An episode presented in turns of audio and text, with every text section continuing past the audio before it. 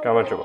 შემოსანდებაგერ პოდკასტის 64 ეპიზოდზე მე მის სამყარო ტატო კუტალია ვარ. ამ პოდკასტში საუბარია დეველოპერული კულტურის, ტრენდული ტექნოლოგიების და კარიერული ზრდის შესახებ. მოდი დღეს ვისაუბროთ საკმაოდ პოპულარულ, შეიძლება გაცვეთილ თემაზე, მაგრამ მაინც მუდმივად ისმის ეს კითხვები. მუშაობა დიდ და პატარა კომპანიებში როგორი არის?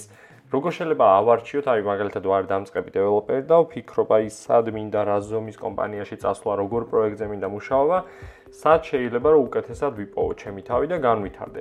რა თქმა უნდა, თავიდანვე ვიტყვი რომ გააჩნია მართლა ისეთი კითხვა, რომელიც გააჩნია და ინდივიდუალურ кейსად უნდა იმსჯელო კომპანიიდან კომპანიამდე, იმიტომ რომ ერთ კომპანიაში შეიძლება კონდეს ეს პლუსები, მაგრამ ეს უარყოფითი მხარე, რომელიც შენ ყველაზე მეტად არ გაწყობს და შეიძლება ამის გამო გერჩივნოს სხვა კომპანია. მაგრამ მაინც არის დაახლოებით გამოკვეთილი მხარეები, რაც გააჩნია დიდ და პატარა კომპანიებს და შეგვიძლია მათ პლუს მინუსებზე ვისაუბროთ. იმ ეფექტებზე, რასაც განვითარებისთვის შემდგომ გვთავაზობს ეს ორივე CDD-ის კომპანია. კარგი, პირველი ალბათ დავიწყებდი დიდი კომპანიით, დადებით მხარეს ჩამოუთვლიდი და თითოეულზე ვიმშელებდი უარყოფით შემდგომ და მე გადავიდოდი აი პატარა კომპანიაზე. დიდი კომპანიისთვის დადებითი მხარეები არის, რომ ყავს დიდი გუნდი, რომელშიც ბევრი სხვა კომპეტენციის ადამიანი არის თავმოყრილი. ძალიან კარგად შეგიძლია იმ გუნდში იპოვო შენი თავი და მათ იმედად ასე ვთქვათ შეუტიო ისეთ პრობლემების გადაჭრას, რომელიც მასშტაბურია. ანუ მეორე არის მასშტაბურობა. დიდ კომპანიებს აქვს დიდი პროექტები, აქვს დიდი პრობლემები გადასაჭრელი და ყოველთვის რაღაც საინტერესო რაღაცეები ხდება და აქედან მივდივართ იქამდე რომ ბევრ სხვადასხვა გამოცდილება შეიძლება მიიღო გუნდში კომპეტენციურად განსაკუთრებით თუ ეს არის agile გუნდები შესაძლებელი არის რომ ბევრი სხვადასხვა კომპეტენციასთან თანაკვეთაში საკმაოდ კარგი უნარჩვევები დაიხვეწო და გამოიკვეთო და აქედან გადავდივართ რასაც შემდეგ ეტაპზე, რომელსაც ქვია soft skill-ები, ანუ ერთ-ერთი ეს დადებითი მხარე, რა დიდ კომპანიებს აქვს, რომ საკმაოდ კარგად შეგიძლია soft skill-ების გამომუშავება, სხვა სხვა გუნდებთან კომუნიკაციაში, სხვა გარე კომპანიებთან კომუნიკაციებში, ადამიანებთან ელფოსტით, პრეზენტაციების სახით, შეხვედრების სახით, გადაწყვეტილების მიღებით,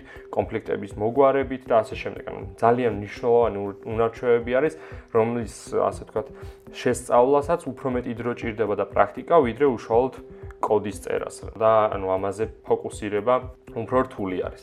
დიდ კომპანიებს აქვთ როგორც თქვია, დიდი მასშტაბური და enterprise გადაწყვეტილებები. შემდგომ მოდის უკვე მათთვის ეს კარგი ბენეფიტები რაც აქვთ, მეტი რესურსები აქვთ, რომ შენ მოგამარაგონ შენი განვითარებისთვის, ეს იქნება კურსები, კონფერენციები, გუნდური შეკრებები, თუ რაც არის ზოგადად აქვთ მეტი რესურსები. აქედან იკვეთება, რომ კარიერულ შესაძლებლობებსაც იძლევა, შესაძლებელი არის რომ მე სხვა კომპანიაში შეიძლება უფრო მარტივი იყოს გადასვლა და ერთ-ერთი ყველაზე მნიშვნელოვანი მაინც არის რომ სტაბილურობა, რომ დღიდან დღემდე იცი რომ შეიძლება პანდემია არ შეგეხოს, შეიძლება ქვეყანაში უცებ ისეთი სიტუაცია შეიქმნას, რომ დიდ კომპანიას იმდენად არ დაარტყას და თავი სტაბილურად იგზნო და ბოლოსკენ ვიტყვი რომ რაც დიდ კომპანიები გამორჩევიან ხოლმე ბიუროკრატიით. და ზოგჯერ ეს ბიუროკრატია მეორე მხრივ კარგია, იმიტომ რომ გააჩვევს სტრუქტურაში როგორ ხდება მუშაობა, ადამიანები როგორი ნაწილებენ თავიანთ დავალებებს, როლებს, ანუ ყველა ყველაფერს ყოველთვის არაკეთებს რა. და როგორ შეიძლება აი ასეთ სტრუქტურაში მუშაობა. რა თქმა უნდა, თავისი უარყოფითი მხარეები ამ ყველაფერს აქვს, თუნდაც ის რაც ჩამოთვალე, იგივენაირად უარყოფითად შეგვიძლია ავიღოთ, ეს ბიუროკრატიული ნაწილი, ესევე სხვადასხვა გამოცდილებების არევა, მაგრამ ყველაზე მეტად უფრო შეიძლება გამოკვეთოთ ის, რომ ასე კომპანიებში, ну, რა თქმა უნდა, ყველა დიდ კომპანიას არ გულისხმობ, იმიტომ რომ ძალიან ბევრ კომპანიაში პატარ-პატარა გუნდებად არიან დაყოფილნი და საკმაოდ ეფექტურები არიან, ისეთივე ეფექტურები, როგორც სტარტაპები ხოლმე, შეიძლება შემთხვევაში Uber-ი არის ამის ძალიან კარგი მაგალითი, Square და ასე შემდეგ. თუმცა ბევრ კომპანიებში მაინც ნაკლები კრეატიულობა არის ხოლმე. ხშირი წილი არის legacy code-ის, რადგანაც ანუ ეს მთელი enterprise სისტემები რაც არის, არის ძველი დაწერილი და დროთა განმავლობაში კი ვითარდება, მაგრამ მაინც წილი იმის, რომ იყოს მოძველებული კოდი, მაღალი არის.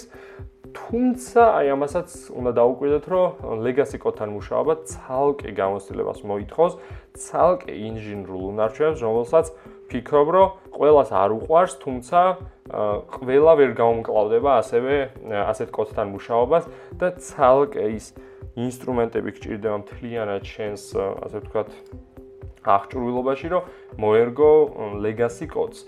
ამიტომ ეს დროებით მაინც მინუსებში გავატარეთ, თუმცა პირადად მე არ ვთვლი, რომ legacy code-ი ყოველთვის მინუსია და პირიქით მე პირადად ძალიან მიყვარს მასთან მუშაობა. და პროექტში ხშირად უფრო პატარა ადგილი გიჭირავთ, ვიდრე ეს იქნებოდა თვითონ პატარა კომპანიებში, ანუ დიდ გუნდებში, დიდ ასე კლიან სტრუქტურებში, შედავით პატარა რგოლი ხართ ამ პროექტისთვის. მოდი ახლა ვისაუბროთ რა ხდება პატარა კომპანიებში. ნუ დადებითი მხარე რო ავიღოთ რა და პატარა კომპანიებს ძალიან ბევრი დადებითი აქვთ და ალბათ ბევრი რაღაცა გადის იქ მომუშავე ადამიანებზე და მათ შორის დამოკიდებულება როგორი არის მაგაზე და მაგიტო იზიდავს ძალიან ბევრ ადამიანს პატარა კომპანიები. პირველ რიგში არის ძალიან მოქნილი პატარა ხარ და შეგიძლია ცვლილებებზე სწრაფად რეაგირება პროექტებში, სოციალურ მედიაში და ზოგადად ყველაფერზე უფრო მეტად ადაპტირებადი ხარ. პროდუქტი შენია, თითოეული ალბათ მომუშავე ადამიანი გზნობს, რომ ის პროდუქტი მისია, რა თქმა უნდა, ეს კომპანიის კულტურაზე დამოკიდებული, მაგრამ მოწესრიგელ კომპანიებში, გზნობა პროდუქტი შენია, შენ თვითონვე ზრუნავ ძალიან აშკარად შეგიძლია მიიღო რაღაც ასპექტებში გადაწყვეტილება, თუნდაც იქნება ის პროექტის დალანჩვისას რაღაცა განწყობილებები უშუალოდ მუშაობისას შეგიძლია მუდმივად ყველგან ყველა იდეა შეიტანო, იმიტომ რომ გუნდიც ბევრად უფრო მოქნილი არის და ყველა სხვადასხვა კომპეტენციას ითავსებენ.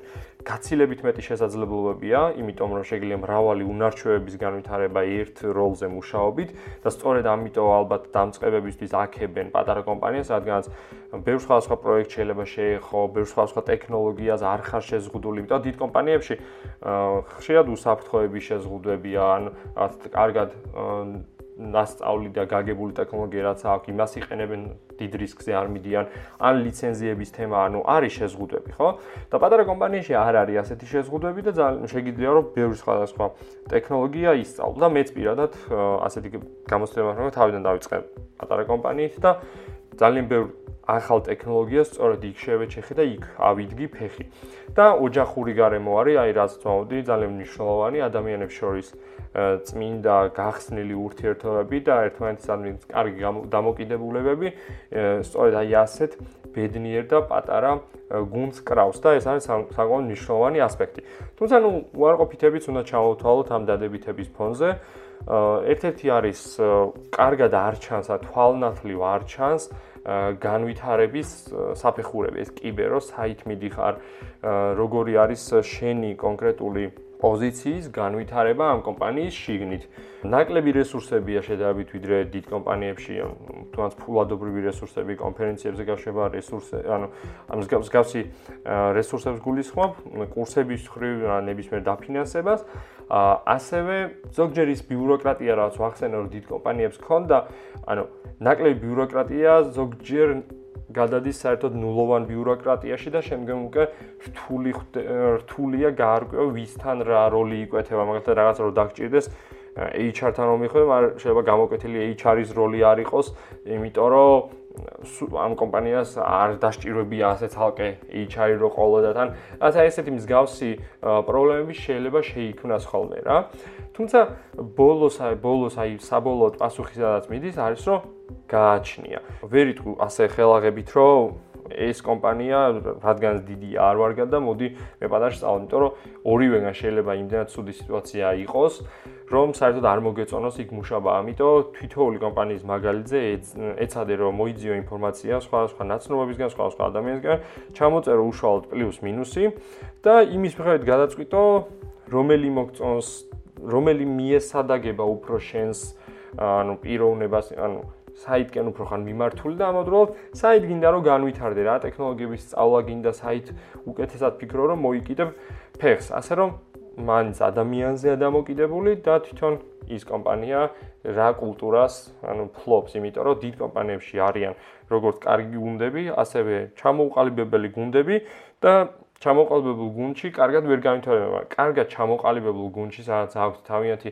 development კულტურა, აქვთ რა ღირებულებები და იციან საით მიდიან, ესეთი გუნდი არის, ასე ვთქვათ, ძლიერი გუნდი და იმ გუნდში შანსი არ არის, რომ დაიკარგო და საკუთარი პოტენციალი ვერ გამოავლინა. ამიტომ კარგად დაფიქრდით, სანამ აირჩევთ იმ კომპანიას, სადაც მიდიხართ. დღეისთვის სულ ეს იყო, ამით დაგემშვიდობებით და მომავალ შეხვედრამდე. ნახვამდის.